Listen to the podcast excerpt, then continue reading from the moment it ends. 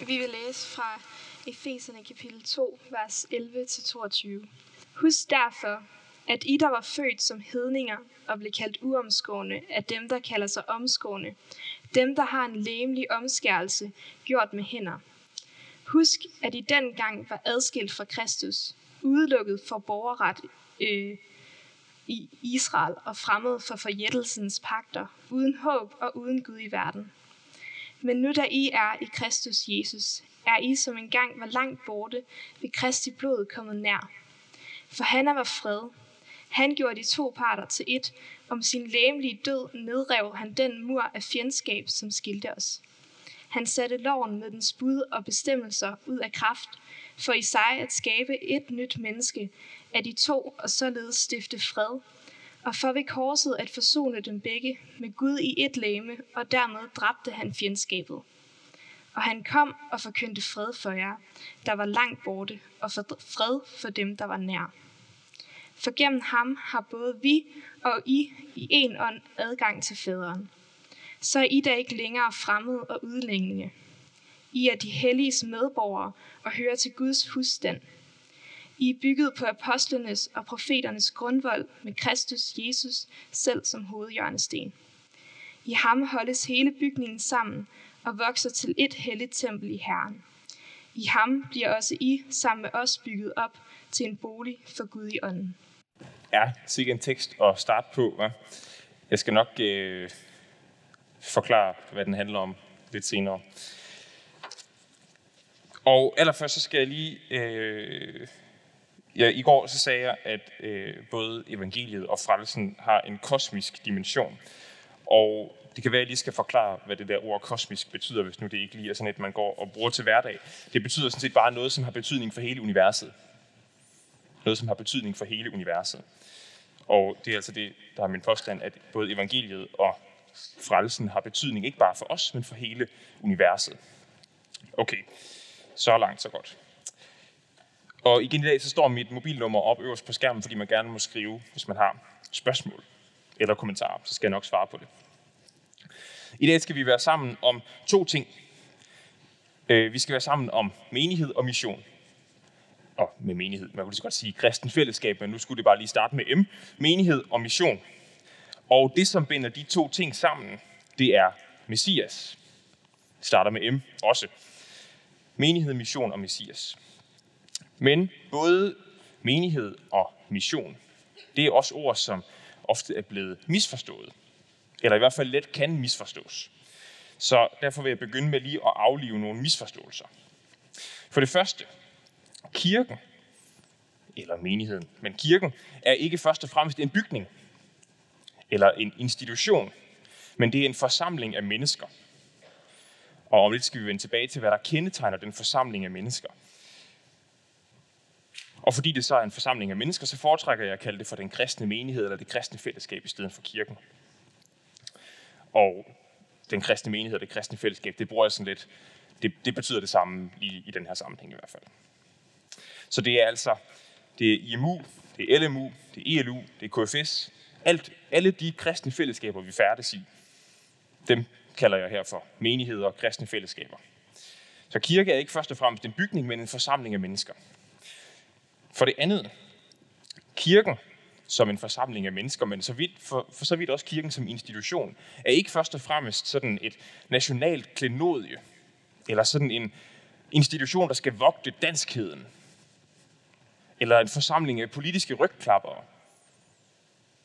Nej, kirken er et internationalt fællesskab af mennesker, der er i stand til og i gang med at forvandle verden. Og det sker ved, at vi tilbyder en radikalt anderledes fortælling om verden. Det var jeg inde på i går, og det vender vi tilbage til i dag. Men det er, ret, det er faktisk ret vigtigt at minde sig selv om det her, for eksempel i en valgkamp. At hver gang nogen de prøver ligesom at tage kristendommen eller kirken og gøre det til sådan en vogter for deres politiske program, eller sige, at kirken ligesom er kun for de danske, eller kirken skal ligesom være noget særligt dansk, så er man i gang med at gøre kirke til noget, som det ikke er. Den tredje misforståelse. Det kristne fællesskab er ikke noget, man som kristen kan vælge til. Det er ikke, sådan, det er ikke et tilvalg. Det er ikke kun for dem, der vil have noget ekstra. Det kristne fællesskab er en konsekvens af det, som vi plejer at kalde retfærdiggørelsen. Altså når Gud han rækker sin frie nåde som en gave til de mennesker, der er uværdige til at tage imod den, så er det så voldsom en handling, at det resulterer i fællesskaber. Det føder fællesskaber mellem de mennesker, der modtager den. Den fjerde misforståelse, som vi skal omkring i dag. Mission, det er ikke bare sådan et aktiveringsværktøj, som kirken har, eller som den kristne menighed har. Det er ikke bare sådan en ting, vi skal få tiden til at gå med, mens vi venter på, at der skal ske noget andet. Fordi vi er nødt til skulle lave ulykker, øh, eller komme til at kede os. Nej, mission, det er selve det kristne fællesskabs eksistensform.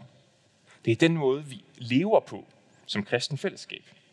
Og mission er faktisk mere end det. For mission, det er noget, Gud har været involveret i, siden han skabte verden. Og som han vil være involveret i, så længe verden består. Som kristen fællesskab får vi lov til at deltage i Guds mission for verden. Det var lige nogle misforståelser her til indledning. Det vi skal nu, det er, at vi skal fokusere på to spørgsmål. For det første, hvad kendetegner det kristne fællesskab? Og for det andet, hvad kendetegner den kristne mission? Og vi tager det første spørgsmål først. Når vi læser i Bibelen, så skal vi altid minde os selv om, at den i første omgang er skrevet til nogle andre end os. Og at de første læsere formentlig har stået i nogle andre situationer, end vi står i. Det kan man for høre lidt mere om til det der seminar, som jeg holder i eftermiddag, om hvad Bibelen er og ikke er. Og det gælder for eksempel også, når vi går til den her tekst fra Efeserbrevet, som, som Maiken lige læste højt for os. Vi skal forsøge at sætte os ind i den tid, som det er skrevet i.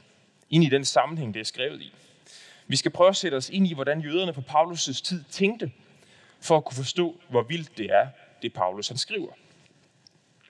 Og hvad han mener med det. På Paulus' tid, der havde de fleste jøder sådan en ret eksklusivistisk forståelse af deres eget folk. Altså sådan en øh, meget afgrænset forståelse af, hvem der var indenfor og hvem der var udenfor. De fleste jøder på Paulus' tid, de så verden på den måde, at der kun var to grupper af mennesker i verden. Der var jøder og ikke-jøder. Og der var en ret markant forskel på de to. Der var en ret markant forskel på at være jøde og på at være ikke-jøde. På at være jøde og på at være hedning. Og det, der ligesom markerede, om man var indenfor eller udenfor, det var sådan noget som omskærelse og sabbat, altså det at holde øh, den jødiske hviledag, og så renhedsforskrifterne, de jødiske regler for, hvornår man blev ren og hvornår man var uren. Og hedningerne kunne ikke bare sådan lige blive jøder, for der var en ret stort skæld. Hedningerne, de var urene, og derfor så skulle jøderne for så vidt muligt undgå at have kontakt med dem. Sådan var Paulus opdraget. Sådan var han oplært, for det var den måde, man tænkte i jødedommen på Paulus' tid. Men der skete noget for Paulus.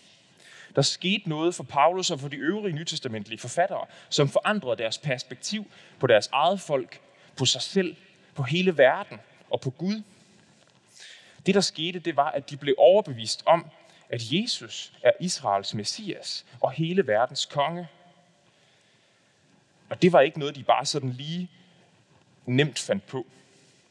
I Efeserbrevet kapitel 3, altså et kapitel senere end det, vi lige har læst, der kalder Paulus det faktisk for en hemmelighed, som ikke tidligere var blevet åbenbaret, men som nu er blevet åbenbaret. Og det forandrede alting. Vi skal se nu, at den kristne menighed, det kristne fællesskab, kan kendetegnes af fire ting. Og det første punkt, jeg har, det er det længste, så er jeg advaret. Og de er ikke alle, det er ikke alle fire punkter, der er lige tydelige i den tekst her fra Efeserbrevet. Øh, så vi trækker også nogle tråde til nogle andre tekster. Men det første, der kendetegner det kristne fællesskab, og det er her, særligt her, at den der øh, baggrundsviden, den er vigtig. Det første, der kendetegner det kristne fællesskab, er enhed i Jesus. I begyndelsen af Efeserbrevet kapitel 2, der har Paulus understreget, at frelsen er af noget. Altså, at frelsen er en gave, som rækkes til de uværdige. Til dem, som ikke burde være værdige til at modtage den. Dem, der ikke på forhånd har kunnet gøre sig fortjent til den. De får en gave. Og i vers 11-22, der går han så videre og viser, hvilke konsekvenser det har for det kristne fællesskab. Og hvis vi lige laver en hurtig gennemgang af teksten. Han skriver til dem i vers 11, der var født som hedninger og blev kaldt uomskårne af dem, der kalder sig omskårne. Dem, der har en læmelig omskærelse gjort med hænder. Altså det, det er sådan set bare hans måde at sige på. Han skriver til ikke-jøder, der ikke var omskåret. Han skriver til hedninger. Dem, som var udenfor. Dem, som tidligere, før Jesus kom, var, vers 12 og 13, adskilt, udelukket, fremmede og langt borte fra Guds løfter. Men nu er de kommet nær. Efter at Jesus er kommet, så er dem, der var langt borte, kommet nær. Der er sket en venden på hovedet. De fremmede er kommet nær. Og det er sket, vers 13, ved Kristi blod. Altså som en konsekvens af den frie nåde, som Gud rækker os gennem Jesus. Og det er sket, fordi ikke-jøderne nu pludselig er i Kristus Jesus. Det er Paulus' en af Paulus' måder at sige, at de tror på Jesus. De har fået fællesskab med Jesus. Så Gud har, vers 14, gjort de to parter til ét. De to parter, jøder og ikke-jøder, er blevet gjort til ét. Og derved så er den mur af fjendskab, som var imellem dem, blevet nedrevet. Den mur, det er den kløft, der var mellem jøder og ikke-jøder, fordi jøderne havde de her meget tydelige identitetsmarkører. Den konflikt, den er nu totalt ophævet. For Gud har, vers 15, sat loven med dens bud og bestemmelser ud af kraft. De bud og bestemmelser, det er for eksempel budet om omskærelse, om sabbat, om renhed. Gud har sat det ud af kraft. Og det betyder alt sammen, at ikke-jøderne ikke længere er fremmede og udlændinge, vers 19, men er blevet inkluderet i Guds folk, i Guds husstand, i Guds fællesskab. Og det er alt sammen sket, vers 20 og til 22, det er alt sammen sket på grund af Jesus, Kristus, Jesus Messias. Det er lige sådan en lynhurtig gennemgang. Kan I se, hvad det er, Paulus er gang i? Han nedbryder. Han nedbryder de der, øh, den der afstand. Han inkluderer dem, der var langt væk. Han vender det hele på hovedet. Det Paulus ser for sig, det er en menighed, der består af jøder og ikke-jøder på samme tid. Og det var enormt revolutionerende. Det vender vi tilbage til. Han er overbevist om, at Jesus er Messias både for jøder og for ikke-jøder. Vel at mærke, uden at ikke-jøderne behøver at blive jøder, og uden at jøderne behøver at blive ikke-jøder. Begge ting kan forenes. Evangeliet om, at Jesus er Messias, det er altså gode nyheder for både jøder og ikke-jøder, eller jøder og grækere, sådan som Paulus kan formulere det andre steder. Og det bliver endnu tydeligere i Galaterbrevet, kapitel 3, vers 26-29, hvor Paulus han skriver til nogle menigheder, der var på nippet til at indføre de her øh, øh, identitetsmarkører, de jødiske renhedsbud, omskærelsen. De var på nippet til at indføre dem som adgangskrav også i det kristne fællesskab. Altså at sige, at for at være rigtig kristen, så skal du også leve som jøde, skal du leve efter Moseloven. Og det reagerer Paulus meget voldsomt på. Og nu, jeg har lige taget teksten med fra, fra Bibelen 2020, fordi den er lidt nemmere at forstå. Øh, det håber jeg, at I er med på. Der står sådan her. I er Guds børn, når I tror på Kristus. Alle, der er døbt til at tilhøre Kristus, er nemlig blevet ligesom ham. Der er ikke forskel på jøder og ikke-jøder, slaver og frie, mænd og kvinder. Fordi I hører til hos Kristus, er I en enhed. I er blevet Abrahams efterkommere, og dermed hans arvinger. Det er det, Gud har lovet. Paulus' pointe er, at den eneste identitetsmarkør, der er i et kristen fællesskab, det er tro på Jesus. Det er det at være i Jesus, have fællesskab med Jesus. Der må ikke være andet, der er en identitetsmarkør. I dag så er den her spænding mellem jøder og ikke-jøder ikke sådan vildt aktuel for de fleste af os. Men så har vi måske bare opstillet nogle andre markører for, om man er indenfor eller udenfor. Vi har opstillet et andet hierarki i vores fællesskaber måske, at nogen er bedre end andre. Det kunne for eksempel være forskellen på, om man er sådan en, der ved meget om Bibelen, eller en, der aldrig læser i den. Det kan være mænd og kvinder. Det kan være en forskel på, om man identificerer sig som mænd, kvinder eller noget tredje. Om man går i byen eller ikke går i byen. Om man er ung eller gammel. Om man er klimabevidst eller ej. Har vi fået gjort den slags til et hierarki i vores kristne fællesskaber? At du kan faktisk ikke rigtig være med i vores kristne fællesskaber, hvis du ikke ligner mig, for eksempel. Men den slags forskelle, for selvfølgelig er der forskel, men det må aldrig blive grænsemarkører. Det må aldrig blive noget, der markerer, om du er indenfor eller udenfor.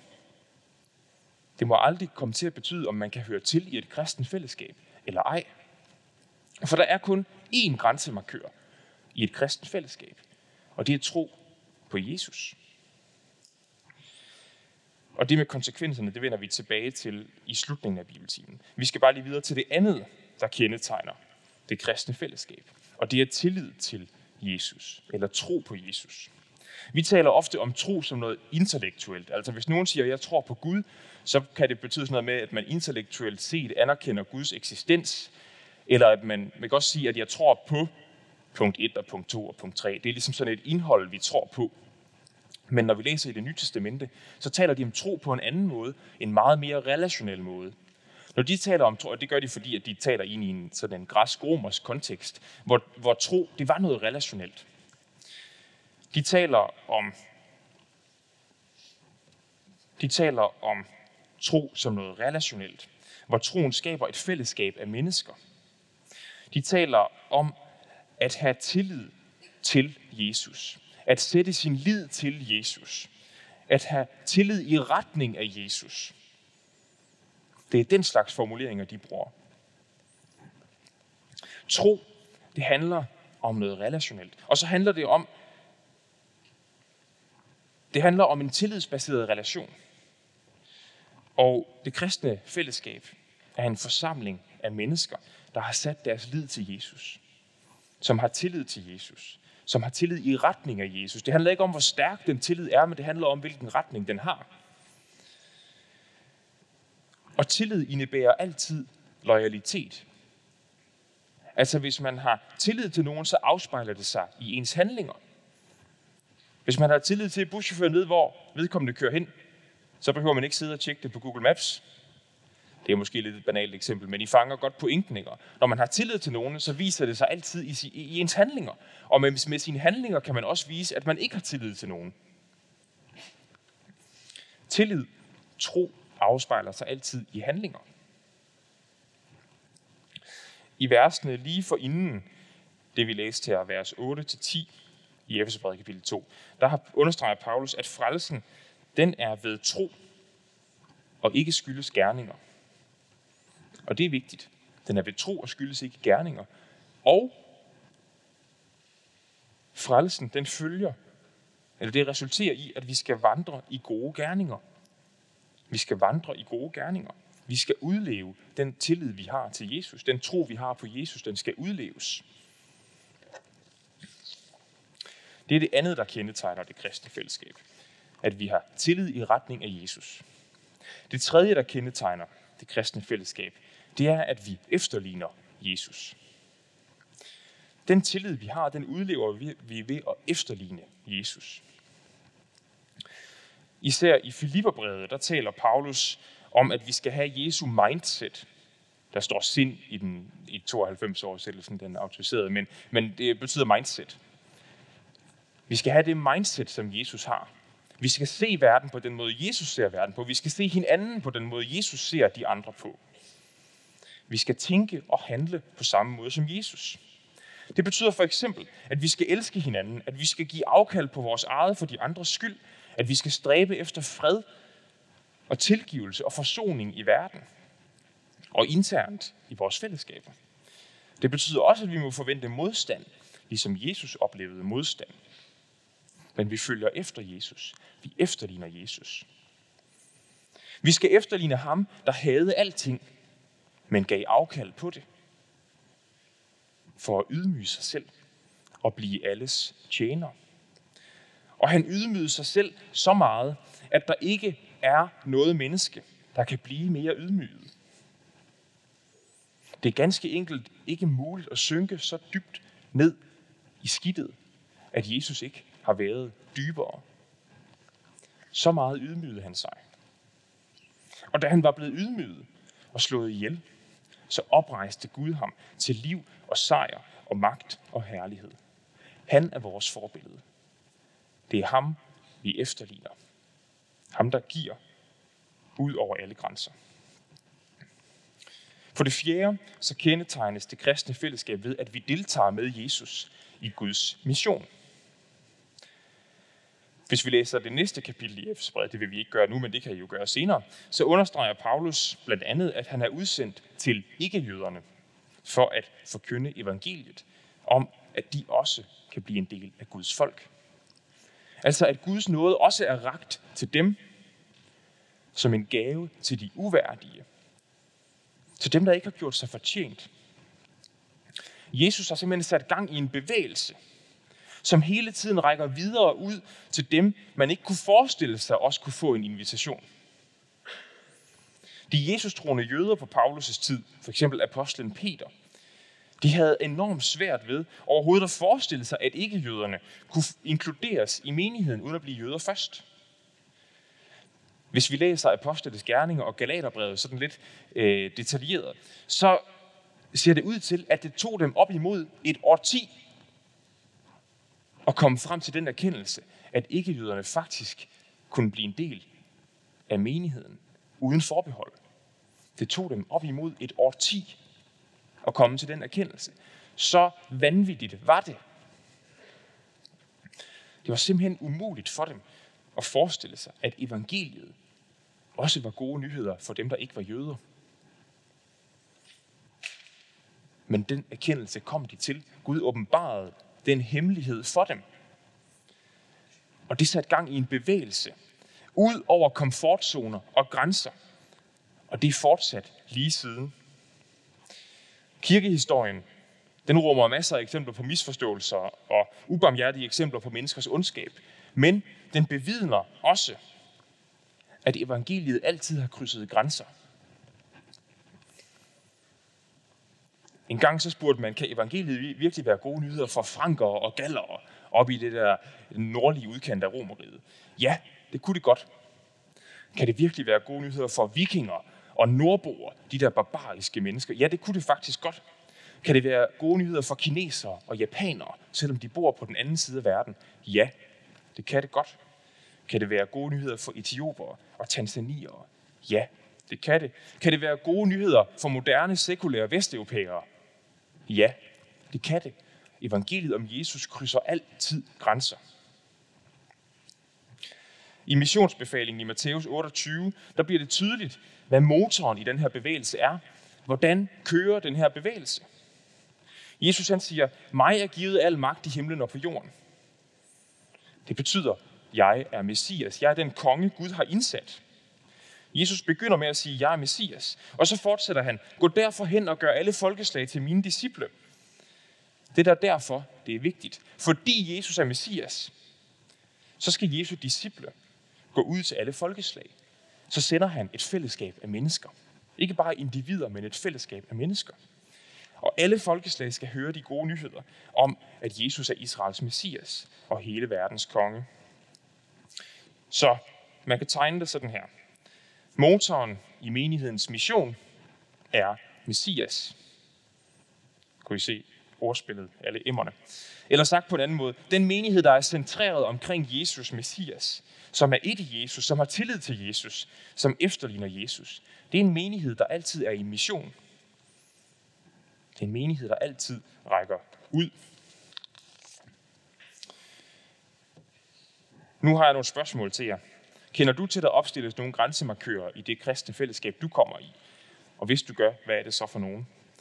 Og hvordan kan de kristne fællesskaber, som du er en del af, kirke, menighed, ungdomsfællesskab, KFS, smågruppe, whatever, hvordan kan I blive centreret omkring Jesus? Jeg vil lige præcisere en ting i forhold til det der med grænsemarkører. Det er ikke fordi, jeg tænker, at det er ligegyldigt, hvordan vi lever. Vi har hørt om Zacchaeus her forleden. Og hvad er det, der sker med Zacchaeus? Han bliver forvandlet. Jesus ønsker at forvandle mennesker. Det gør han også med os. Jesus ønsker at påpege nogle ting hos os, som måske skal forandres. Så det er vigtigt. Det, det er faktisk vigtigt, hvordan vi lever. Og, på, og det skal ligesom balanceres med, at vi må aldrig nogensinde fryse nogen ude af det kristne fællesskab, fordi de er anderledes end os. Det er et åbent fællesskab, men vi skal ikke miste vores identitet. Det, øh, begge pointer er vigtige. Nå, nu har vi snakket lidt om, hvad der kendetegner det kristne fællesskab. Nu kommer vi så til det med mission. Hvad kendetegner den kristne mission? Jeg har nævnt, at det kristne fællesskab er kendetegnet ved at være i mission, ved at deltage i Guds mission. For mission er, som jeg også har nævnt, ikke noget kirken har opfundet. Vi deltager i Guds mission. Mission er altid Guds. Gud har en mission. Gud har en mission, en plan for sit skaberværk, og den opstår ikke først efter syndefaldet. Det er ikke kun en redningsmission. Guds mission springer ud af hans væsen. Den treenige Gud, fællesskabet af far, søn og ånd, skaber verden ud af deres kærlighed til hinanden. Og allerede i skabelsen udtrykker Gud sin plan for skaberværket. Det skal være et velsignet sted. Et sted, hvor alting er godt. Et sted med shalom, som det hedder på hebraisk. Det betyder fred, helhed, velvære, komplethed. At alting er, som det burde være. At alting har det rette forhold til hinanden. Sådan skal skaberværket være. Det er Guds mission. Det er det, Gud ønsker. Men Guds gode skaberværk blev korrumperet, forbandet, ødelagt i syndefaldet. Og Gud iværksatte en redningsplan, som dybest set handler om, at han vil genoprette den shalom, der var i skaberværket før syndefaldet. Guds mission handler om at drage hele verden ind i det kærlighedsfællesskab, som verden er skabt ud af. Og som den første fase i den frelsesplan, så udvalgte Gud Abraham, og siden Abrahams efterkommere, israelitterne, til for gennem dem at bringe sin velsignelse ud til hele verden. Invitere hele verden ind i shalom.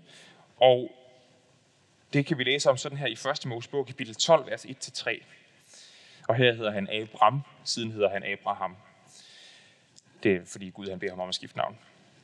Det var lidt nemmere dengang, der var ikke noget med nem idé og sådan noget. Herren sagde til Abram, forlad dit land og din slægt og din fars hus og drag til det land, jeg vil vise dig.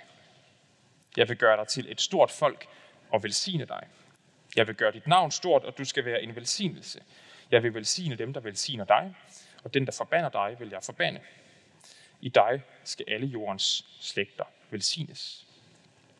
Det her er det første store nedslag i Guds frelsesplan, i Guds plan for genoprettelse. Og læg mærke til, at allerede her der er det universelle perspektiv tydeligt. Det handler ikke kun om Abraham. Det handler faktisk om hele jorden. Det handler om alle jordens slægter, om alle mennesker. Gud udvælger Abraham på vegne af alle andre, ikke på bekostning af alle andre. Når Gud udvælger, så er det ikke fordi han fravælger alle andre. Så gør han det for at nå ud til alle gennem dem, han har udvalgt. Og dybest set så er det den her mission, vi stadigvæk er en del af. Som kristen fællesskab, der deltager vi med Jesus i Guds mission. Og den mission handler om at genoprette shalom i skaberværket. Genoprette fred, helhed, velvære, komplethed i skaberværket. Og den mission har nået sit afgørende klimaks i Jesus, Messias. For som vi læste fra Efeserbrevet 2, han har etableret fred mellem jøder og ikke-jøder. Det vil sige mellem alle mennesker. Og tidligere i Efeserbrevet, i kapitel 1, vers 10, der har Paulus skrevet, at Gud han vil sammenfatte alt i Jesus.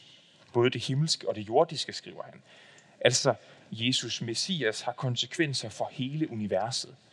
Alt skal sammenfattes i Jesus. Han er knudepunktet. Han holder det hele sammen. For Guds mission handler om hele verden. Hele den skabte verden.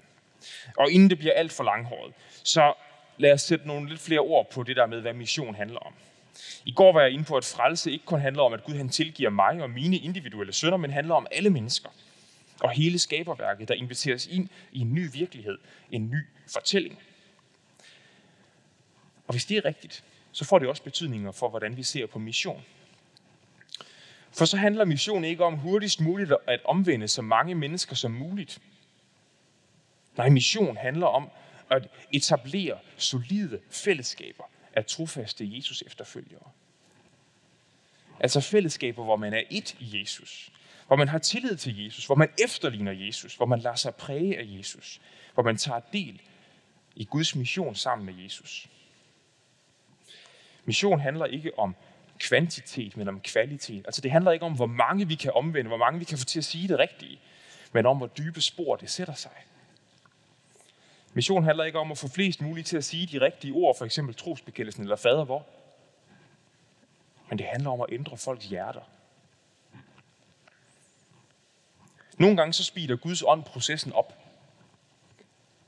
Men for det meste så er det en langsommelig proces at ændre folks inderste identitet, ændrer folks måde at tænke på og handle på. Til gengæld så er virkningerne langt større, hvis vi ændrer folks måde at tænke på, end hvis vi bare lærte dem at sige de rigtige ord. Mission handler om at møde mennesker der, hvor de er. Det er sådan, Jesus han gjorde. Det er sådan, Gud gør. Gud møder mennesker der, hvor de er.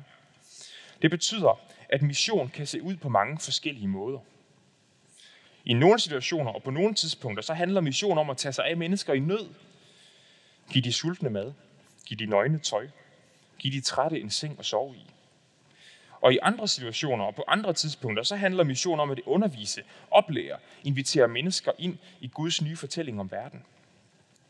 Begge ting og alt det, der ligger derimellem, er med til at bringe Guds velsignelse ud til alle mennesker og til den skabte verden. Begge dele skal gøres. Og de to dele må ikke spilles ud mod hinanden. Kirken skal ikke kun fokusere på det ene, men skal fokusere på begge dele og alt, der ligger derimellem. Og i virkeligheden så handler missionen faktisk ikke så meget om, hvad vi gør, men hvad vi er. Mission handler om at være noget i verden. Det handler om at være et vidnesbyrd om Jesus. Og det kan komme til udtryk på mange måder. Det er ikke alle kristne, der skal gøre alting, men som kirke, som Guds kirke på jord, der gør vi det hele sammen.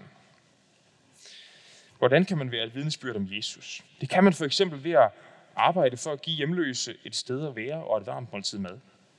Eller ved at rejse til Etiopien, lære sproget og bidrage til at undervise etiopere i, hvem Jesus er. Det kan man for eksempel ved at være et vidensbyrd om Jesus. Ja, man kan være et vidensbyrd om Jesus ved for eksempel at kæmpe for en bæredygtig og socialt retfærdig klimapolitik, fordi Gud han elsker verden. Eller ved at flytte til en anden by for at starte et kristent fællesskab op. Man kan være et vidnesbyrd om Jesus ved at være en trofast, lojal og god ven. Eller ved at invitere sin studiekammerat med i kirke. Det er eksempler på, hvordan vi kan efterligne Jesus i mission. Hvordan vi kan være et vidnesbyrd om Jesus i mission. Og når mission kan se ud på mange forskellige måder, så skyldes det, at der ikke er noget skæld mellem de ting i vores liv, som Gud er interesseret i, og de ting i vores liv, som Gud ikke er interesseret i. Et skæld mellem det, der er helligt, og det, der ikke er helligt. Det er ikke kun en særlig del af livet, som Gud han er interesseret i. Det er hele livet. Eller sagt på en anden måde. Det er ikke kun det, den del af dit liv, der foregår hen i kirken, som Gud er interesseret i. Målet med dit liv er ikke, at du går ud i det frygtelige samfund udenfor, tjener en masse penge, og så går hen i kirken og bruger dem på Guds arbejde. For eksempel betaler for, at kirken udsender missionærer til fjerne lande. Nej, Gud er også interesseret i det liv, du lever uden for kirken. Fra mandag til lørdag. For også i det liv tjener du Gud. Også i det liv kan du være et vidnesbyrd om Jesus. Også i det liv er du i mission. Min pointe er altså, at vi altid, alle sammen, er i mission. Mission er ikke bare noget, vi her i Vesteuropa gør ved at sende mennesker et andet sted hen i verden. Nej, mission det er noget, der foregår fra alle steder og til alle steder hele tiden. Mission det er noget, vi giver til hinanden. Og jeg ved ikke, om nogen af jer ved, hvad licens er. Men det var noget, man engang betalte uafhængigt af sin skat, og nu betaler man det vist nok over skatten. Men det er i hvert fald også noget, vi giver til hinanden, påstod DR. Licens er noget, vi giver til hinanden. Det er det samme med mission. Det er noget, vi giver til hinanden. Det er ikke noget, nogen har patent på. Det er noget, vi giver til hinanden. Mission handler om at være et vidnesbyrd om Jesus. Og som vi har set, så skaber Jesus fællesskaber.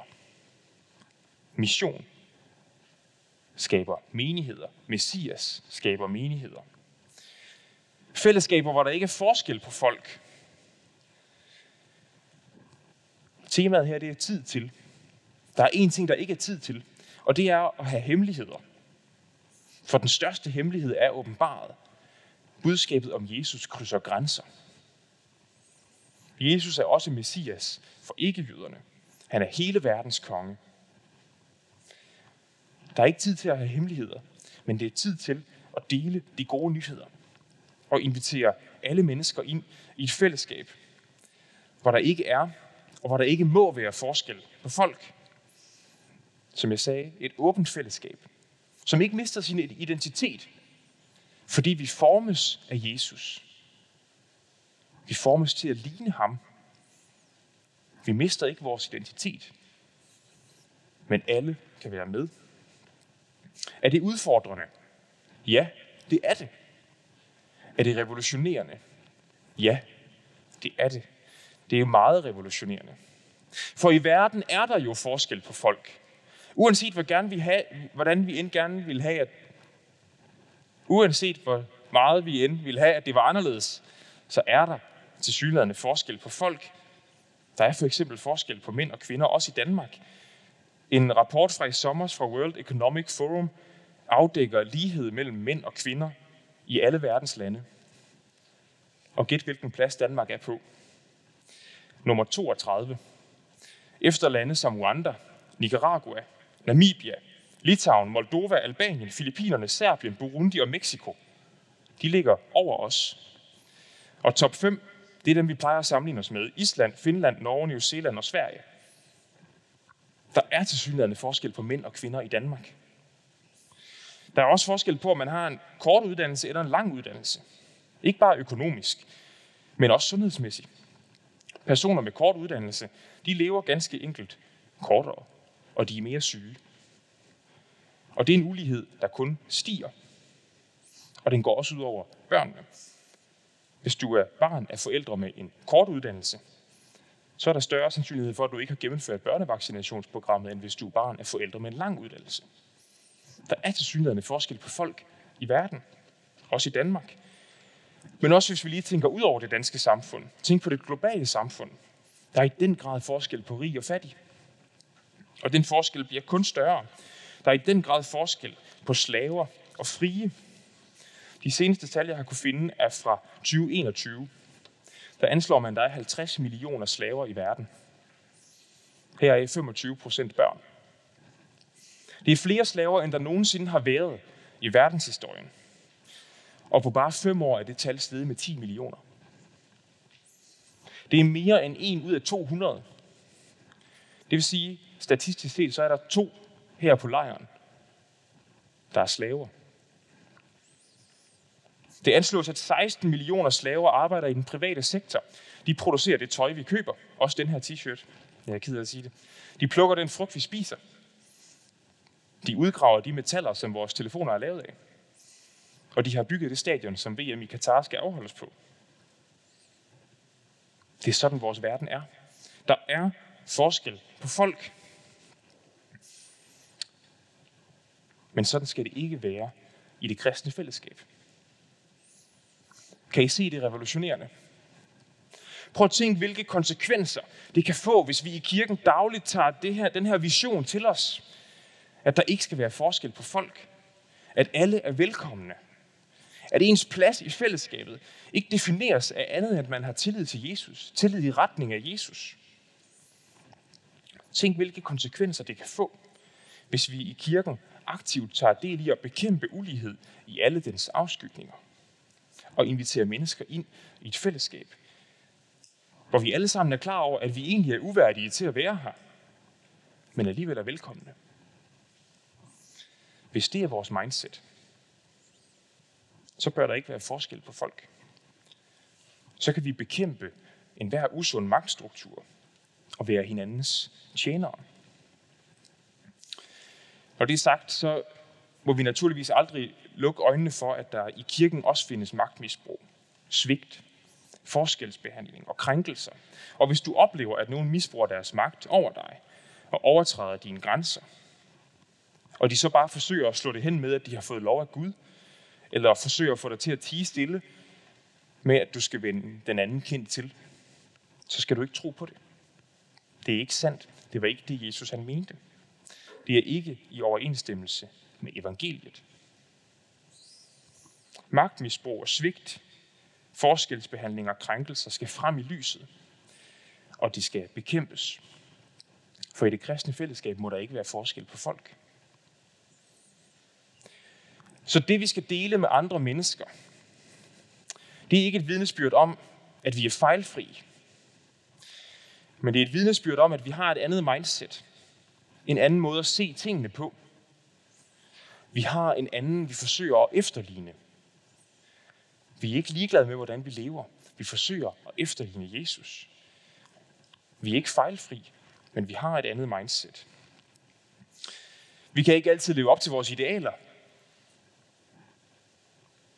eller Jesu idealer. Men det betyder ikke, at vi ikke skal prøve, at idealerne ikke betyder noget. Og det vi skal dele med andre mennesker, det er vidnesbyrdet om ham, der har gjort alting nyt. Som har vendt verdens magtstruktur på hovedet. Ultimativt magtforholdet mellem død og liv, det har han vendt på hovedet, så døden ikke har nogen magt. Han har taget sig af det, der ikke var noget værd. At han rækker en usandsynlig stor gave til dem, der ikke burde være værdige til at modtage den. Ham er vi vidner om. På alle steder, til alle tider. Hele tiden. Han er Messias. Han er vores konge. Lad os opsummere, hvad det er, vi har været sammen om her. Vi har været sammen om, at det kristne fællesskab, fællesskab kendetegnes ved, at vi er et i Jesus. Vi er en enhed. Vi har tillid til Jesus, tillid i retning af Jesus. Vi forsøger at efterligne Jesus, formes i hans billede, og vi deltager med Jesus i Guds mission. Og i den mission er vi vidnesbyrd om Jesus. Det hele handler om Jesus. Skal vi bede sammen? Jesus, vi takker dig, fordi at det her det er sandt. At det hele handler om dig. Det handler ikke om os, det handler om dig. Du er vores forbillede. Du er ham, vi forsøger at efterligne. Du er det, der binder os sammen.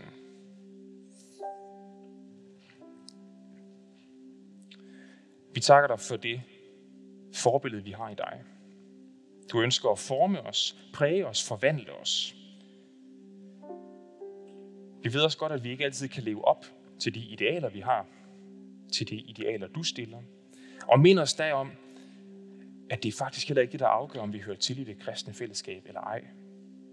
Det er ikke, hvor godt vi løs, men at vi retter vores blik mod dig. Hjælp os til at bringe det budskab ud i hele verden.